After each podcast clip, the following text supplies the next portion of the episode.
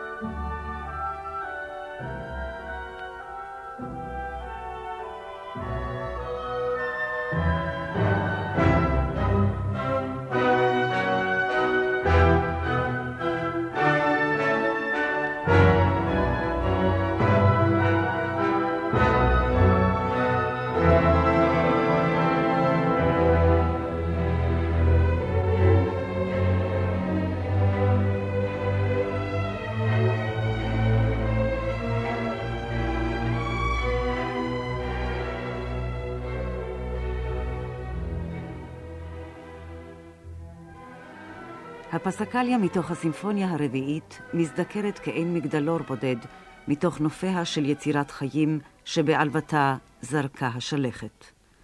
הפתוס המחמיר של פרק זה הוא פתוס של פרידה. המלחין, שרוח הדור וציפיותיו הטילו עליו את השליחות של ההישג הסימפוני, הגשים את המשימה, וחתם אותה באמירה שאחריה אין עוד המשך.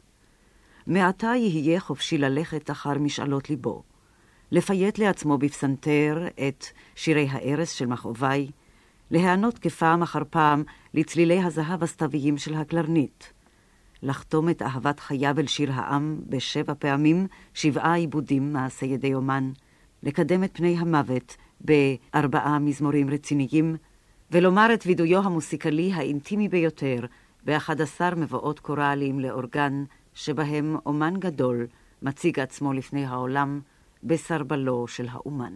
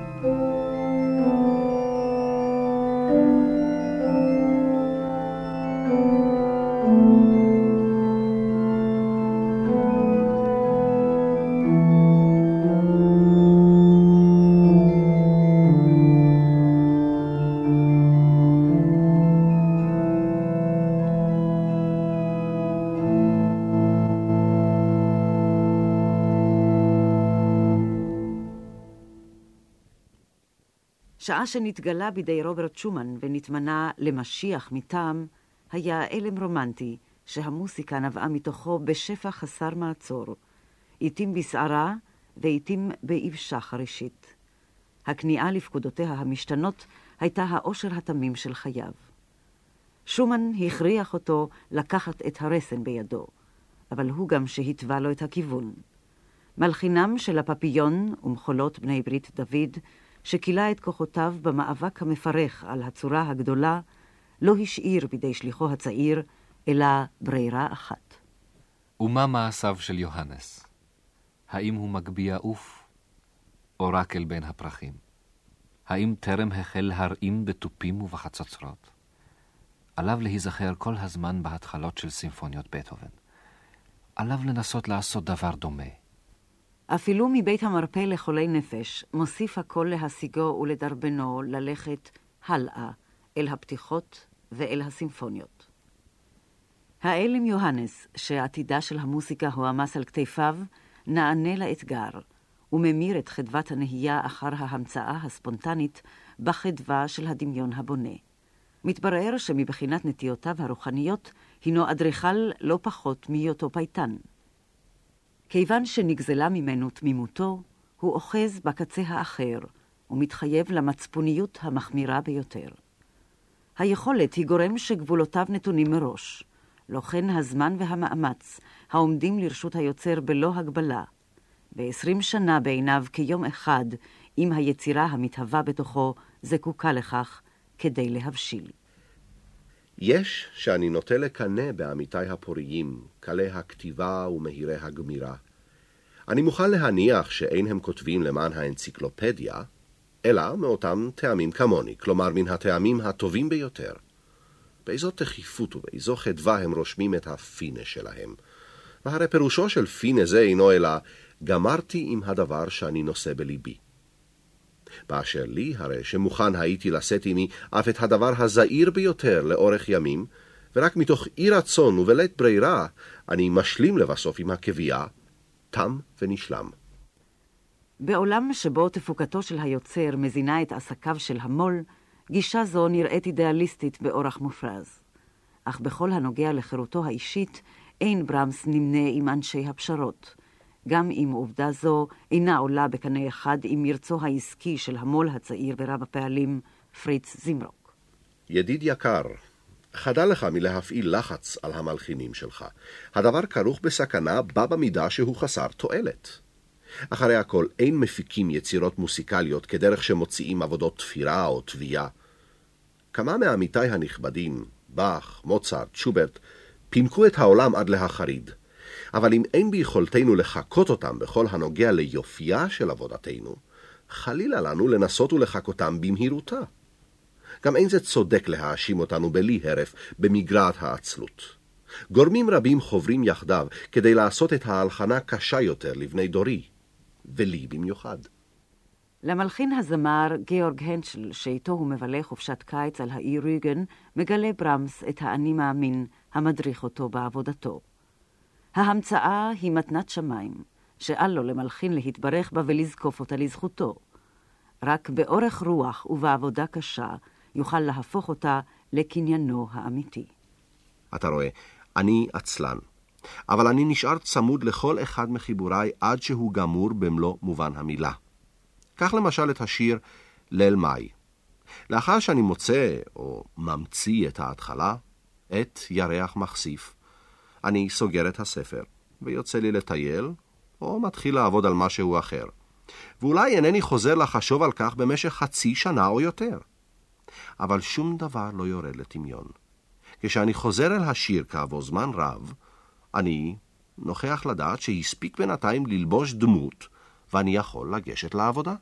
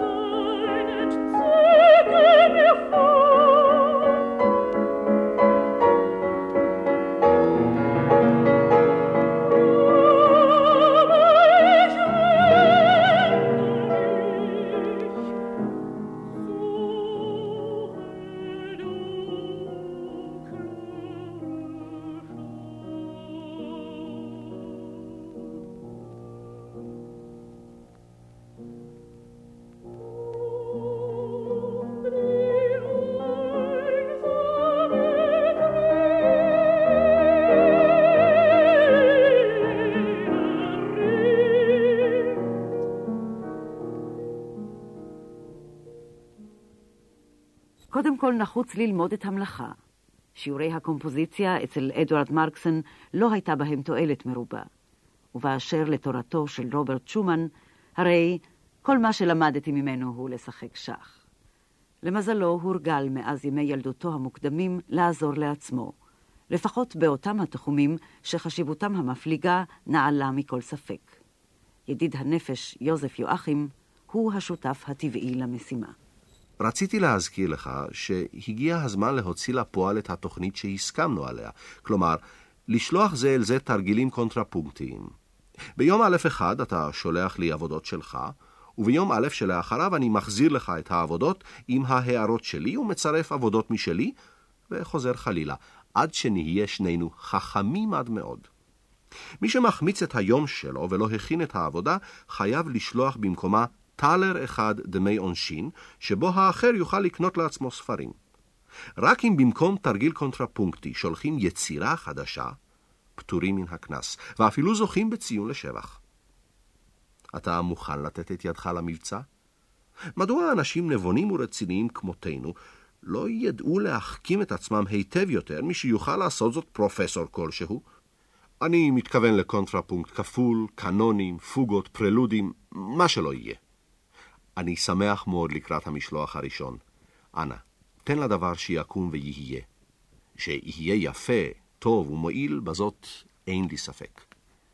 יואכים נענה בחיוב, אם כי מתוך הנחה נסתרת. את מעט הזמן שיש בידו להציל מפעילותו הקונצרטית, יעד לתוכניות קומפוזיטוריות מיידיות, ולא לתרגילים לטווח ארוך. מה גם שידידו העריץ אינו מוכן להסתפק בפחות מן הטוב ביותר. מייסטר יוהנס קונטרפונקטי ואהוב. אני שולח לך כמה נושאים של פוגה, לא מפני שאני סבור שנודע להם ערך כלשהו, אלא כדי להבטיח לי שאשמע ממך בקרוב, ולו רק בצורה של קווים אדומים, שבהם אתה מסמן לי את השגיאות. בן אדם יקר, הנה הדברים שלך בחזרה בצירוף שלי. עם נושאי הפוגות שלך אינני יודע לעשות כלום. על סטרטו כלשהי אין לדבר אצל אף אחד מהם. נראה לי שאפילו קשה למצוא להם קונטרפונקט הזורם בטבעיות ומתאים להיפוכים. בזכות מה זכה קנון המעגל שלך בשמו אינני תופס. רק פסוק הסיום מתיר את הכניסה, זה פחות מדי. רשמתי לך את אותו הנושא בתור קנון מעגל כפי שצריך. בקנון FAA שמתי לב למקומות ריקים, אבל הקנון בפה מג'ור הוא יפה. המנגינה מרנינה אפילו באוניסונו, והחיקוי עושה אותה יפה עוד יותר. נושא הפוגה של הרביעייה לא נראה לי מעשי לשם הצרכים שלנו, אבל אין כל רע בכך שתנסה לבצע אותו. אני שולח לך כמה קנונים משלי. כתוב לי אם זוהי מוסיקה טובה, גם בלי לקחת בחשבון את ההיבט של המלאכה. האם מלאכת המחשבת עושה אותו יפה יותר ורב ערך יותר? מה אתה אומר? ההסדר מתקיים במשך שנים, אך לצד מי עיקרה של התועלת, על כך אין ויכוח בין הידידים. מלבד סכומים ניכרים בדמי עונשין להעשרת ספרייתו, קונה לו יוזם התוכנית שליטה וירטואוזית בטכניקה של אומנותו. כאמור, ההשראה באה מגבוה. כדי להתמודד עמה ולהימצא ראוי לה, טוב יעשה המלחין אם לא יסמוך על ניסים, כי אם יבוא לקראתה וכלי העבודה בידו.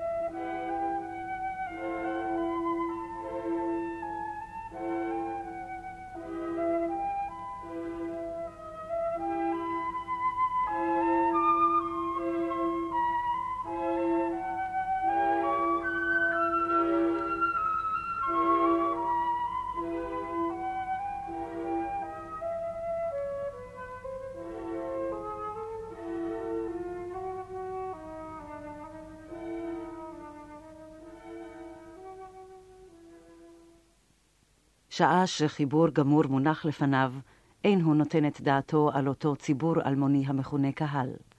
מחשבתו מופנית לידידיו נאמניו. מה תגיד קלרה שומן? מה תגיד אליזבת פון הרצוגנברג? מה יגידו יואכים, לוי, בולו ובילרוט? הוא מעודד אותם למתוח ביקורת, אך רק לעתים רחוקות ביותר מתחשב בהערותיהם הלכה למעשה, אפילו בפרטים טכניים משניים לכאורה. הסכמתם היא לא שמחה גדולה ונחוצה, מפני שהיא מעידה כי בשורתו אכן הובנה. הסתייגותם, מקור לאכזבה, לעתים למרירות, משום שלא זכה במידת הבינה והחדירה שראוי היה לו לצפות להם ממקורביו. בשני המקרים, הכישלון הוא כישלונם, אלא אם כן דעתם מאשרת את גזר הדין שחרץ הוא עצמו, ורק קיווה בסתר ליבו שינסו להעמידו על טעותו. מקס קלבק, מחבר הביוגרפיה המקיפה על ברמס, מתאר את המעמד המביך שבו הסימפוניה הרביעית מוצקת לראשונה לפני חוג הידידים הנבחרים, ויוצאת בשן ועין. ברמס טרח הרבה לקראת המפגש, ובמיוחד למענו הכין עיבוד לשני פסנתרים של הסימפוניה החדשה. בן זוגו לנגינה הוא ידידו איגנץ בריל. הנסליק ובילרוט מתכבדים בהפיכת הדפים. מלבדם נוכחים המנצח הנס ריכטר, המוסיקולוג קרל פרדיננד פול, המבקר ריכרד דמקה וקלבק עצמו. ימים אחדים לאחר שובו מנווה הקיץ והסימפוניה הרביעית באמתחתו, הזמין אותי לבילוי מוסיקלי בטרקלין הפסנתרים של פרידריך ארבאר. הכל היה כמו לפני שנתיים, כאשר התוודענו אל הסימפוניה בפה מג'ור. ובכל זאת, הכל היה שונה. אחרי האלגרו הנפלא, אחד מעשירי התוכן, אבל גם המרוכזים והדחוסים בפרקיו של ברמס, ציפיתי שלפחות אחד הנוכחים יפרוץ בצהלת בראבו. חששתי להקדים בכך את ידידיו הוותיקים ובני הסמכה של המלחין. ריכטר מלמל משהו אל תוך זקנו הצהוב, שעשוי היה להתפרש לרחוקי שמא כביטוי של הסכמה. בריל כחכח בגרונו, וזז במבוכה על כיסאו ענה וענה. האחרים שתקו בעקשנות. ומאחר שגם ברמס לא אמר דבר, השתררה דממה כבדה מנשוא. לבסוף הפליט ברמס המהום רוטן של, טוב, אז הלאה. אך ברגע זה פלט הנסליק הנחה כבדה ונחפז לומר. במשך כל הפרק הרגשתי כמי ששני אנשים מבריקים להחריד, מכבדים אותו במנה של מכות. כולם צחקו, והשניים המשיכו בנגינה. האנדנטה האקזוטי ורווי המנגינות מצא חן בעיניי עד מאוד, ומאחר שגם הפעם לא פצע איש מן הנוכחים את פיו, עזרתי עוז והערתי הערה בעלת בנאליות רועמת, שהרושם שלה היה בלתי נעים עוד יותר מן השתיקה הנפחדת. הסקרצו המדובלל והעליז נזעם נראה לי בלתי חשוב מדי בהשוואה לפרקים הקודמים, והפסקליה הכבירה של הפינאלה, עטרת התפארת של כל פרקי הווריאציה של ברמס, לא נראתה לי סיום הולם לסימפוניה זו. למרות שבעל הבית הנדיב חתם את המאורע בסעודת ערב חגיגית, לא השתררה אווירה ההולמת את המעמד. כאילו נדברנו בינינו, עקפנו את הנושא הרגיש של הסימפוניה, ושוב לא הזכרנו אותה במשך כל הערב, אף במילה אחת. נחלצנו מן המבוכה על ידי שתייה קולנית לחייו של המלחין. בילרוט הוא הראשון בתוך החבורה החוזר בו מהיסוסיו וממהר להודיע על כך למלחין. ידיד יקר, אני שוהה במחיצתך יותר משאתה יודע ונוטה להאמין.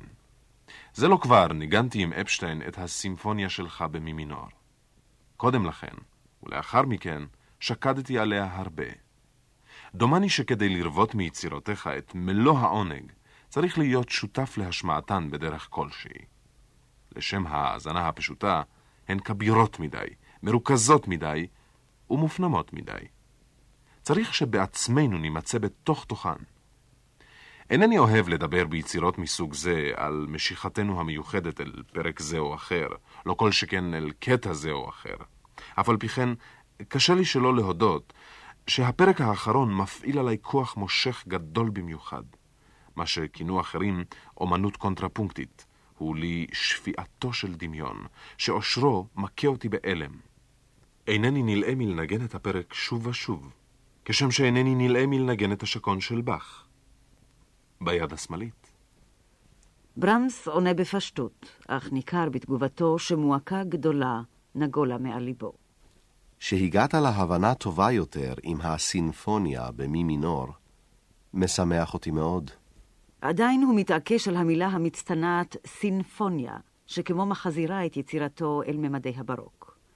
בהקשר זה הוא שמח במיוחד על הזכרת השקון של באך בנשימה אחת עם הפינאלה של הרביעית. אמת, שנטה לו רשות אצל בטהובן וההירואיקה שלו, כאשר פנה אל צורת הווריאציה כאל דרך לגיטימית לחתום בה את יצירתו. אך אמת גם שהשקון לא מש מנגד עיניו בעת עבודתו. תשע שנים קודם לכן, שעה שאיבד את יצירת הכינור של באך לפסנתר ביד שמאל, שלח אותה אל קלרה שומן בצירוף מילים אלה. השקון הוא לדעתי אחד מפרקי המוסיקה המופלאים והבלתי נתפסים ביותר.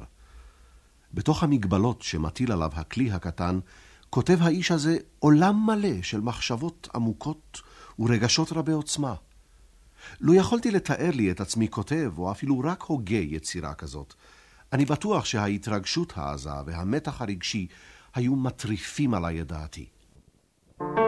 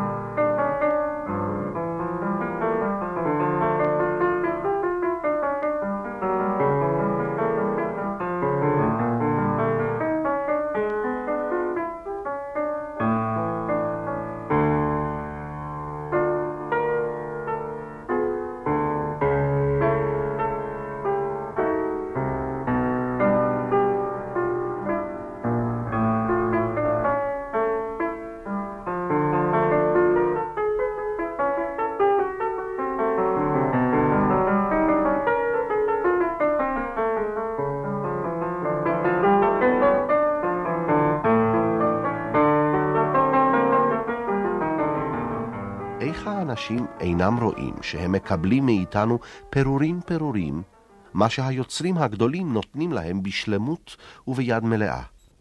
התבטלותו בפני מלחיני העבר נשמעת לעתים כהצטעצעות, אך היא רחוקה מלהיות כזאת. התפעלות זו עד אין גבול מול הישגי קודמיו מעוגנת בידיעה אינטימית ומעמיקה של ספרות המוסיקה לכל תקופותיה. התפעלות זו משתקפת גם בספרייתו. עוד בהיותו אלם חסר פרוטה, החל להשקיע את הכנסותיו הצנועות ברכישתם של חיבורים זנוחים והוצאות נדירות שמצא בתוכני המציאות ואצל מוכרי ספרים משומשים. בשנים מאוחרות יותר הוא מעשיר את האוסף בשורה מרשימה של כתבי יד מקוריים, ולא דיבוק האספנות שאינו מתיישב עם אופיו, אך מתוך התענגות אמיתית על אוצרותיו. אתמול קניתי את כתבי היד של שש רביעיות מאת היידן. האם לא היית גם אתה חש מין הרגשה טובה כזאת של נועם וגם מעט התרגשות, לו החזקת דבר כזה בידיך, ורשאי היית לראות בו את קניינך? זכיית החמדה שלו היא כתב היד של הסימפוניה בסול מינור מאת מוצרט, שקיבל במתנה ממעריצה ממעמד האצולה. באשר לשוברט, שהלך לעולמו רק 35 שנה בטרם בא הוא עצמו לווינה, הרי שאת חיבוריו ניתן לאסוף אצל הבינאים קלי הדעת כביצים עזובות. את שעותיי היפות ביותר כאן, אני חב לחיבורים של שוברט, שטרם יצאו לאור. לקחתי לי הביתה ערימה שלמה של כתבי יד שכאלה. אך ככל שהעיון בהם כרוך בעונג ובשמחה, הרי המצב כשלעצמו אינו מעורר אלא עוגמת נפש. מצויים בידי כתבי יד לרוב, השייכים לשפינה או לשניידר, ואינם קיימים אלא בכתב יד יחיד זה, בלא שום העתק. ושפינה, בדיוק כמוני, שומר את הדברים בארון שאינו עמיד בפני אש. זה לא כבר הוצא צרור שלם של חיבורים בלתי מודפסים למכירה בזיל הזול. למרבה המזל, שמה עליו חברת ידידי המוסיקה את ידה. אבל כמה מן הדברים עודם מפוזרים פה או שם אצל אנשים פרטיים שספק שומרים את אוצרם, כמו דרקונים, ספק מפקירים אותו ליד המקרה.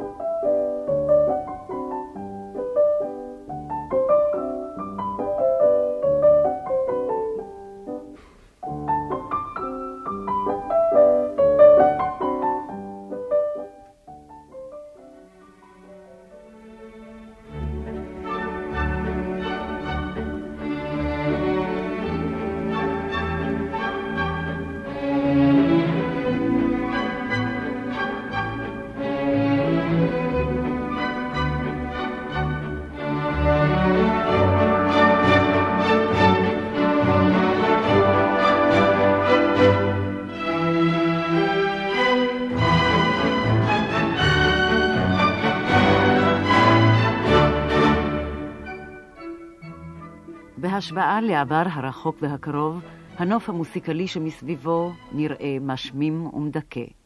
את המוזה הקלילה של יוהאן שטראוס הוא חובק בצמא, משל היה מעיין נובע במדבר. לצערי, לא שלי. הוא רושם על מניפתה של העלמה שטראוס בצד מובאה מתוך ואלס הדנובה הכחולה. הוא מתכוון למה שהוא אומר. השפע המלודי שמקורו במורשה העממית קסם לו מאז ומתמיד. הוא ששבה את ליבו ברבים מחיבוריו של שוברט. הוא גם המסב את שימת ליבו אל מלחין אלמוני, איש פראג, שחיבוריו מזדמנים לידו כפעם בפעם, בתוקף תפקידו כחבר הוועדה לחלוקת מלגות למוסיקאים צעירים מטעם משרד החינוך האוסטרי. שנה אחר שנה ממליץ ברמס על דבוז'ק כעל המועמד הראוי ביותר. יום אחד, בעת ביקור בפראג, הוא פוקד את חתן הפרס האלמוני בביתו, ומוצא אותו עם משפחתו בדירה צנועה של חדר ומטבח.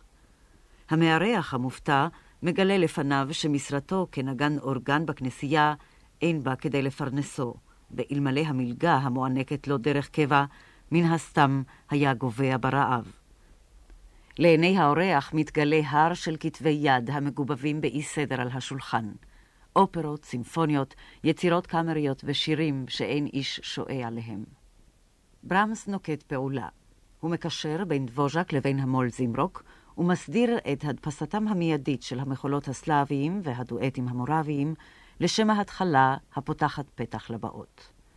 הוא מזעיק את יואכים, ריכטר, הלמסברגר, דסוף, הנשל ושאר ידידים מוסיקאים לעזרת הידיד החדש. הוא פונה אל תזמורות ואל איגודים קאמריים וממליץ על חיבוריו. עם זאת, אינו חוסך מבין טיפוחיו לעת הצורך נזיפה קלה שבחיבה. הייתי רוצה לשוחח איתך על כמה וכמה דברים. אתה כותב קצת בחופזה. בשעה שתשלים את הדיאזים והבמולים החסרים, אולי תציץ גם קצת בתווים עצמם ותחדד את מבטך לגבי המתרחש מדי פעם בהולכת הקולות. אבל שעה שזימרוק מתאונן על מלאכת ההגהה המרושלת של המלחין הצ'כי, מורה לו ברמס לשלוח מעתה את כל ההגהות לפי כתובתו שלו, כדי שיקבל את המלאכה לידיו. משל דבוז'ק מעניין אותי כל תו ותו.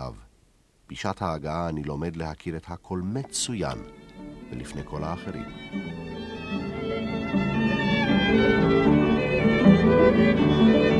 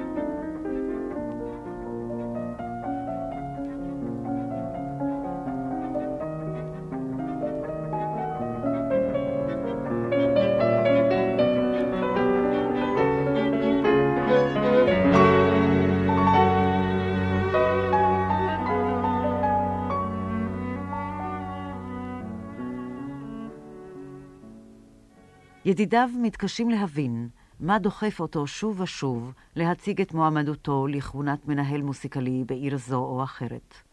במקום לשמוח בחירותו, המאפשרת לו להתרכז בעבודת היצירה, הוא לוטש עין לכל משרה המתפנה מבעליה.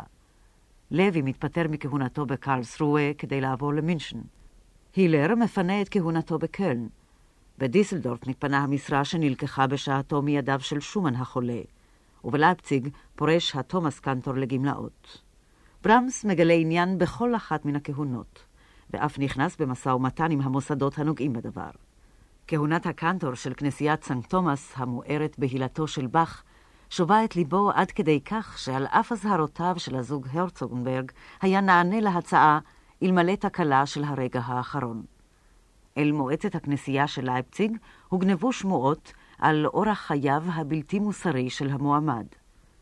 סופר שהוא משתתף במפגשים השבועיים של החבורה המפוקפקת, המתקראה ספסל הלועגים, ועיקר עיסוקה בשתייה לשוכרה ובניבול פה.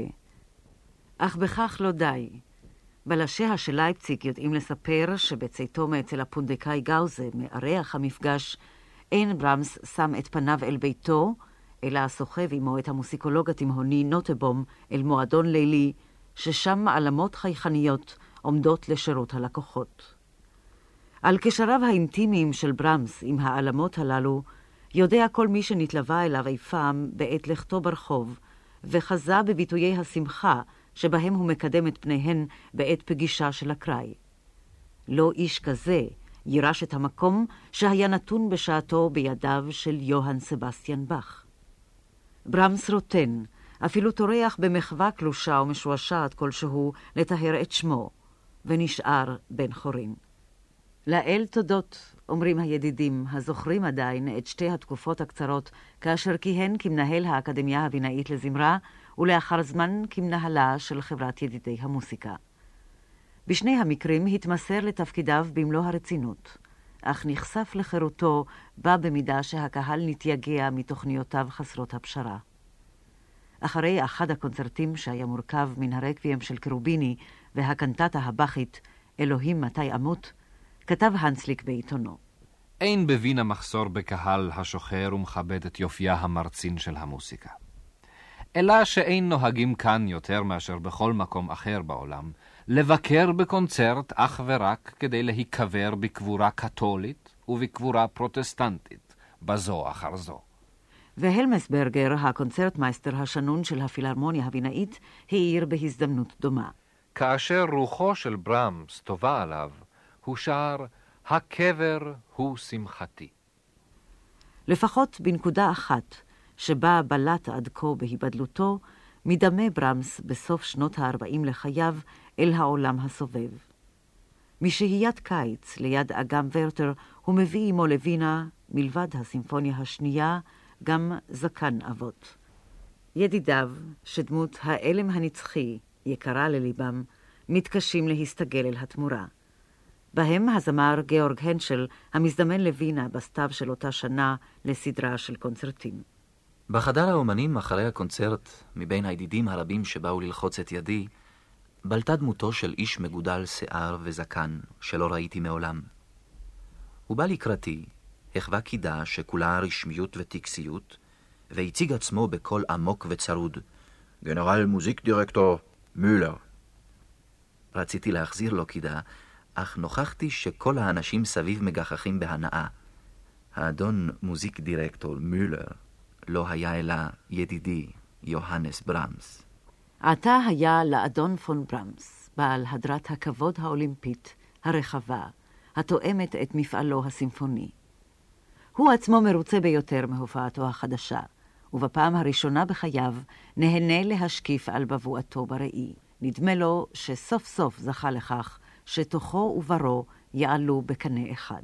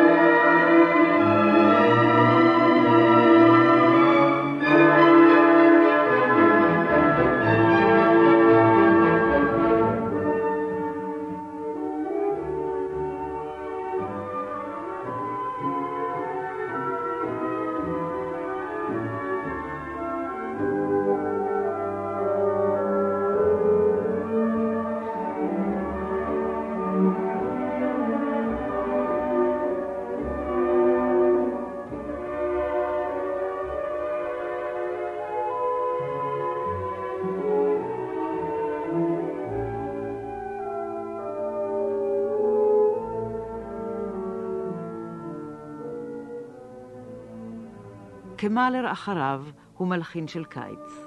רעיונותיו רוצים שיסיעום אל היערות, אל השדות, אל השבילים שלחופי האגמים. טיילתי הרבה ויפה, הוא כותב לידידיו, ומתכוון לומר, הלחנתי הרבה והיטב. הנה שוב סיפורו של מקס קלבק. בהיותי משכים קום כמוהו, נזדמן לי מדי פעם להתחקות אחריו בשעת עבודתו. זכור לי בוקר אחד, בחודש יולי, כשיצאתי לטיול של השכמה. פתאום ראיתי לפניי איש הנחפז לקראתי על פני האחו מכיוון היער. חשבתי שהוא אחד העיקרים שבמקום, וכבר התכוננתי לנזיפה על כניסה בהיסח הדעת אל מקום השמור לי ועליו. והנה נוכחתי לתדהמתי שהעיקר המדומה אינו אלא ברמס. מעולם לא ראיתיו במצב כזה. ראשו חשוף, כותנתו בלא צווארון ובלא חזייה. את כובעו הניף בידו האחת, ובאחרת סחב את מקטורנו אחריו בעשב, כשהוא פורץ קדימה, כמי שנמלט מידי הרודף.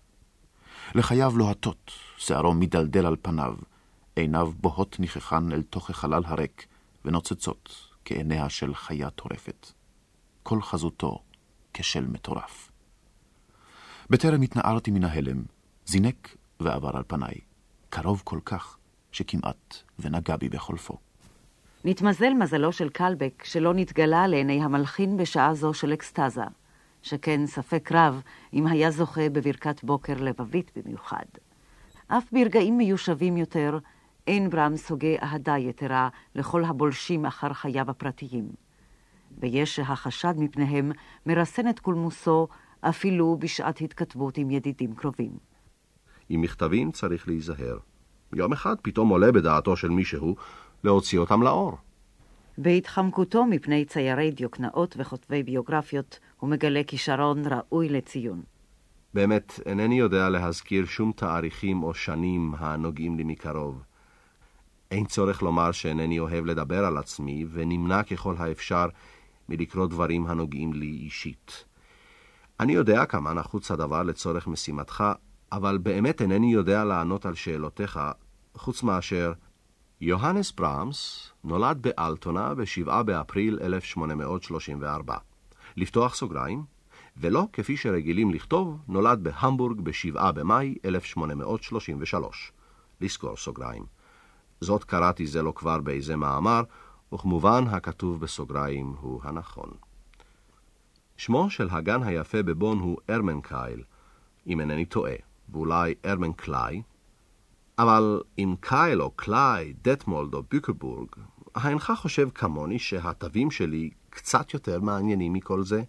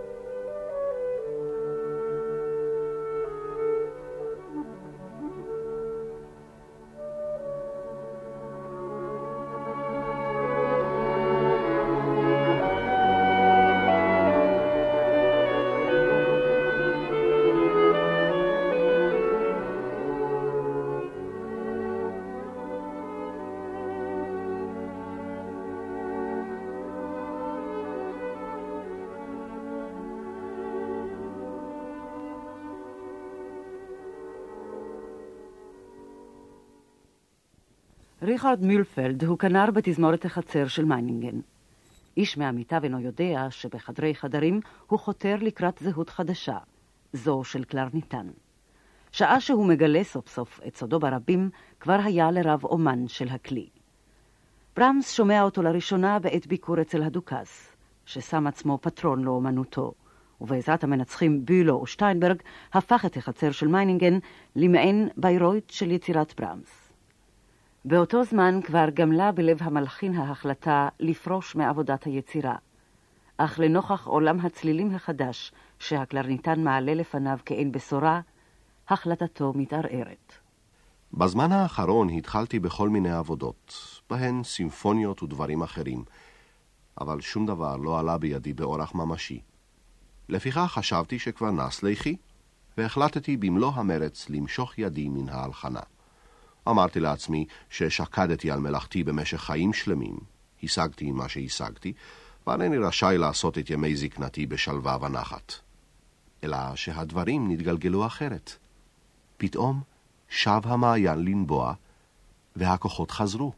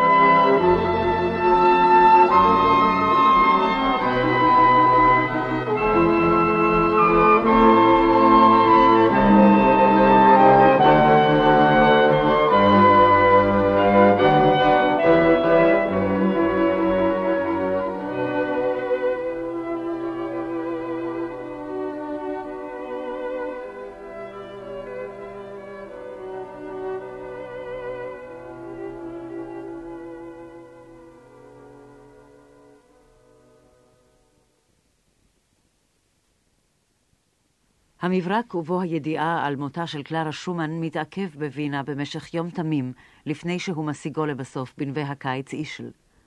הוא עולה על הרכבת הראשונה, אך באשמת הפקיד השוכח להעיר אותו בלינץ, הוא מפסיד את הקשר לפרנקפורט, ועושה את שארית הלילה בתחנה כלשהי, הלום ואחוז צינה. בהגיעו לפרנקפורט הוא לומד שכבר איחר את הטקס. גופתה של קלרה הועברה לבון, כדי להתאמן לצד בעלה. הוא ממשיך את המרדף ומגיע אל יעדו מקץ 36 שעות של מסע פרוע ורצוץ. על יד הקבר הפתוח הוא משיג את מסע ההלוויה, ועומד בין האבלים בוכה בלי מעצור. בשובו לאישל הוא חש ברע. ידידיו נוכחים מדאגה כי פניו איבדו את שזפונם הרגיל, ונתכסו בצוהב. הם מפצירים בו להיוועץ ברופא. זה קובע צהבת קלה, ושולח אותו להתרפא במרחצאות של קרלסבד. אך שלא בפניו, הוא מנענע ראשו בעצב. מרחצאות לא יועילו. האיש לקה בסרטן הכבד. זהו מקרה אבוד.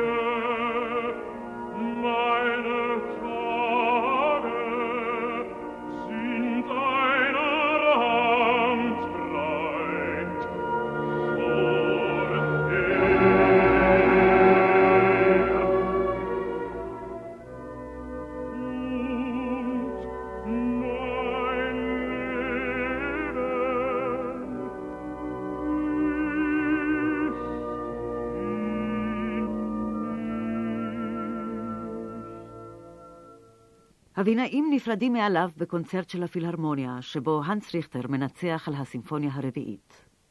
נוכחותו של המלחין מתוודעת באולם, והתשואות המכוונות אל המנצח והתזמורת מופנות אל תאו והופכות לסערה. מטפחות מתנפנפות באוויר, פה ושם זולגת דמעה למראה הדמות שהמוות חרת בה את אותותיו. שבוע לאחר מכן הוא יוצא מביתו בפעם האחרונה, וגורר עצמו אל בית ידידתו מרת ויטגנשטיין, אחייניתו של יואכים, לחזרה עם הידיד ורביעייתו ועם הקלרניתן מילפלד. בן הבית, פאול ויטגנשטיין, בן העשר, ירבה להזכיר את המעמד שנחרט עמוק בזיכרונו. המלחין, שכוחותיו אינם עומדים לו להישאר עד סוף החזרה, נשאל איזו משתי החמישיות העומדות על הפרק רצונו לשמוע, את החמישייה של ובר או את החמישייה שלו. הוא בוחר בזו של ובר.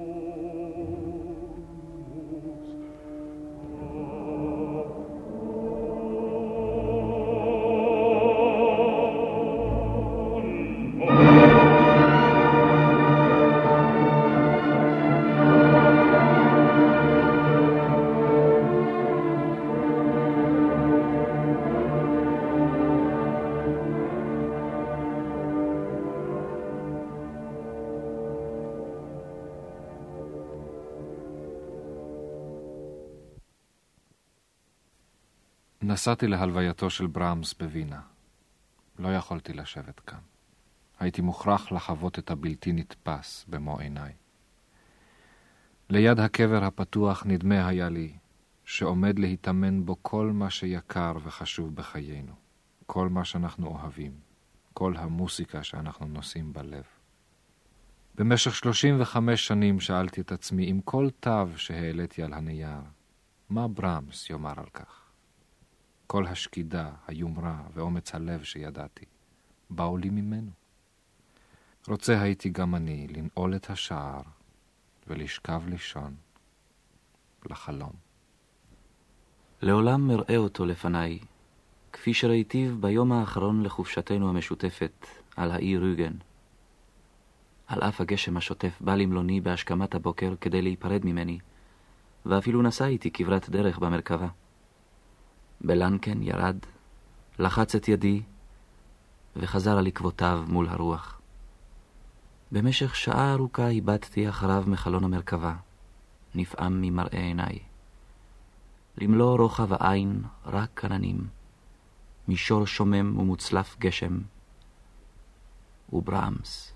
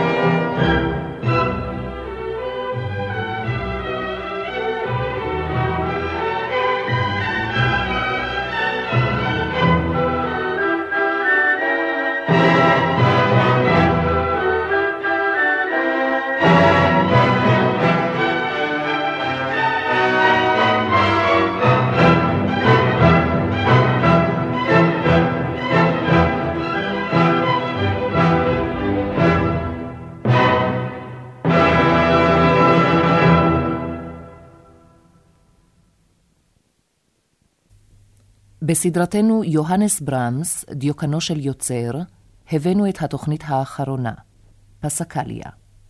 השתתפו ברמס, יצחק נוי, יואכים, צבי סלטון, קלבק, גבי ינון, בילרוט, עודד בן עמי, והנשל, מוטי ברקן. מדבריהם של שומן, הנסליק והיינריך פון הרצוגנברג קרא בני הנדל. סיפרה יעל בן יהודה. מצירות ברמס שמענו בתוכנית קטעים מתוך הסימפוניה הרביעית עם התזמורת הסימפונית של שיקגו בניצוח ג'יימס ליוויין, והסימפוניה השנייה עם תזמורת הרדיו הדני בניצוח יאשה הורנשטיין, מתוך השיר ליל מאי בזמרתה של קריסטל לודוויק, חמישיית הקלרנית עם לוקס ברן ורביית צ'ומצ'נקו, ומתוך הרקוויאם הגרמני עם הזמר דיטריך פישר דיסקאו.